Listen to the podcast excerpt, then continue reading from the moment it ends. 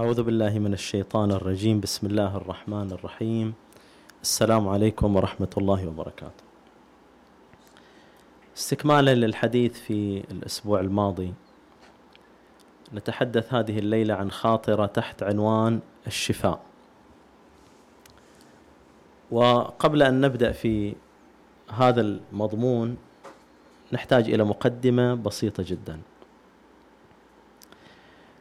قد نظن أن إصلاح الأفكار الهدامة والمعتقدات الباطلة يعتمد بالدرجة الأولى على طرح الفكرة الصحيحة فقط.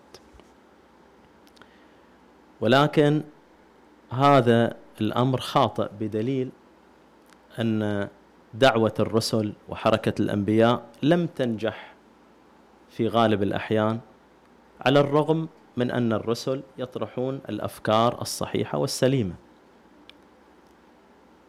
فالفكرة الصحيحة نعم مطلوبة والمعتقد السليم مطلوب. ولكن هناك أساس آخر هذا الأساس الآخر يعتمد عليه القرآن الكريم. لأن الإنسان ليس مادي فقط هناك جزء من الإنسان أو مكون من الإنسان هذا المكون جزء غيبي. وهذا الجزء الغيبي هو منطلق المعتقدات والأفكار. والعقل ما هو إلا أداة إما للتعبير أو لتحريك المعتقدات اللي موجودة الباطنة في نفس الإنسان. عنواننا لهذا اليوم هو الشفاء. هذا العنوان ماخذينه من آية. في سورة يونس بالتحديد في الآية 57 سمت القرآن الكريم بأنه شفاء وبالتحديد قالت أنه شفاء لما في الصدور حددت موقع الشفاء هو ما في الصدور. وإذا سألنا وش الشيء اللي داخل هذا الصدر؟ هل تقصد الآية الأحشاء أو الأجهزة الحيوية اللي موجودة داخل هذا القفص الصدري. الآية تقصد أن هذا الموقع هو مسكن النفس وموقع القلب. وذيل الاثنين هم هم الجزء الغيبي من الإنسان الذي لا يرى بالشكل المادي. هو الجزء الغيبي من الإنسان هذا النفس. وهذه النفس الله سبحانه وتعالى يستهدفها الآن في القرآن الكريم بالشفاء بمحاولة شفائها. لأن إذا هذه النفس عولجت وهذه النفس تخلصت من أمراضها استطاعت أن تستقبل الأفكار السليمة بسلاسة جدا وبدون أي عناد أو مقاومة. وما دامت النفس معلولة فيها علة داخلها. نتيجة لذلك لن تستقبل الأفكار السليمة والصحيحة. وستنتج من وراءها أفكار أيضا سيئة وهدامة. ولذلك الله سبحانه وتعالى يكشف لنا حقيقة الشيطان الرجيم أنه يوسوس في صدور الناس. هو يستهدف هذه النفس يستهدفها بالمرض وبالعلة عشان تنتج في النهاية أمراض في الفكر وأمراض في العقيدة لأنها هي معلولة أصلا. تعالوا نشوف هذه الآية نقترب منها اللي هي آية 57 من سورة يونس. الآية تقول أعوذ بالله من الشيطان الرجيم بسم الله الرحمن الرحيم. يا أيها الناس قد جاءتكم موعظة من ربكم وشفاء لما في الصدور وهدى ورحمة للمؤمنين. الآية تخاطب الناس كل الناس. وتتحدث بشكل كأنه في إعلان إلى شيء مهم الناس تترقبه أو تحتاجه. وش هذا الشيء؟ هنا يوجد شفاء هنا يوجد علاج لما في الصدور. العلل اللي موجودة في الصدور هنا شفائها المشاكل والأمراض اللي موجودة في النفوس هنا علاجها. والآية اللي بعدها تتحدث بنفس هذا المعنى بنفس هذا الإعلان. قل بفضل الله وبرحمته فبذلك فليفرحوا. هو خير مما يجمعون. وش الأشياء اللي تفرح الإنسان؟ وش الأشياء اللي يجمعها الإنسان وتسبب له فرح؟ من كل العناوين اللي إحنا نعرفها كل الأشياء المادية. قل بفضل الله وبرحمته فبذلك فليفرحوا. يعني العلاج وصل. زي لما نتكلم عن أي مشكلة زي لما نتكلم عن أي داء عضال موجود في زماننا هذا والآن نقول وصل العلاج وصل الشفاء لهذا المرض.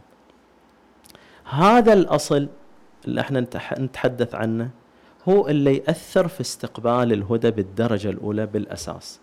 بعدين لما تتشافى النفس لما تتعافى تستقبل الأفكار بشكل طبيعي.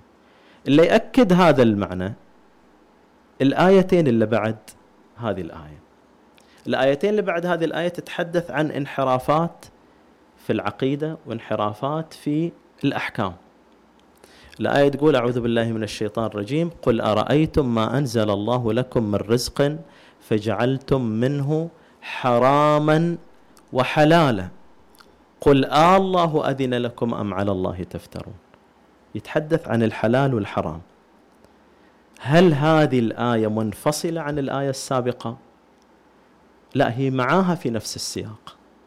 لأن الكلمة هذه قل آه الله أذن لكم أم على الله تفترون كافية لإلغاء المشكلة كافية لتغيير الحكم كافية لإلغاء العقيدة الباطلة والحكم الباطل. ولكن تحتاج إلى قلب سليم ونفس طاهرة زكية. إذا وجدت هذه النفس راح تستقبل هذا الكلام بشكل سلس وسهل جدا. وما ظن الذين يفترون على الله الكذب يوم القيامة إن الله لذو فضل على الناس ولكن أكثرهم لا يشكرون. إذا كنا إحنا جايين نتدبر هذا القرآن ونتفكر في آياته في متطلب أساسي في متطلب أساسي يجب أن ندخل إلى هذا الكتاب كمشفى. نبحث فيه عن الداء اللي موجود عندنا أولا حتى نبحث فيه عن الدواء. ما نجي بصفة الذي يزكي نفسه ما نستفيد أي حاجة. ما نجي وإحنا يعني خالصين من كل المشاكل ما نستفيد أي شيء. والأفكار ما راح تأثر. كثرة الأفكار أو المعارف ما تأثر. اللي يأثر هو إصلاح النفس. وهذا هو نفسه التوجه. اللي تحدث عنه الإمام علي عليه السلام في خطبة المتقين. هو في بداية القرآن يقول هدى للمتقين والإمام علي عليه السلام يصف المتقين. يقول أما الليل فصافون أقدامهم تالين لأجزاء القرآن يرتلونه ترتيلا يحزنون به أنفسهم. ويستثيرون به داء دوائهم. يعني يبحث عن الدواء هو لديه علة أصلا هو يعرف علله ويعرف أمراضه ويبحث عن دواء في هذا الكتاب. لا يبحث عن دواء لغيره يبحث دواء لنفسه. وإحنا شفنا في الحلقة السابقة في موضوع البغي. في موضوع البغي البغي كان عناد بين الفئات. ما أحد قاعد ياخذ الكلام يشتريه إلى نفسه.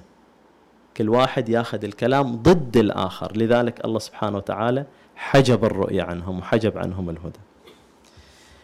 بعدين يكمل يقول فإذا مروا بآية فيها تشويق ركنوا إليها طمعا وتطلعت نفوسهم إليها شوقا وظنوا أنها نصب أعينهم وإذا مروا بآية فيها تخويف أصغوا إليها مسامع قلوبهم وظنوا أن زفير جهنم في وصول آذانهم إلى آخر الخطوة.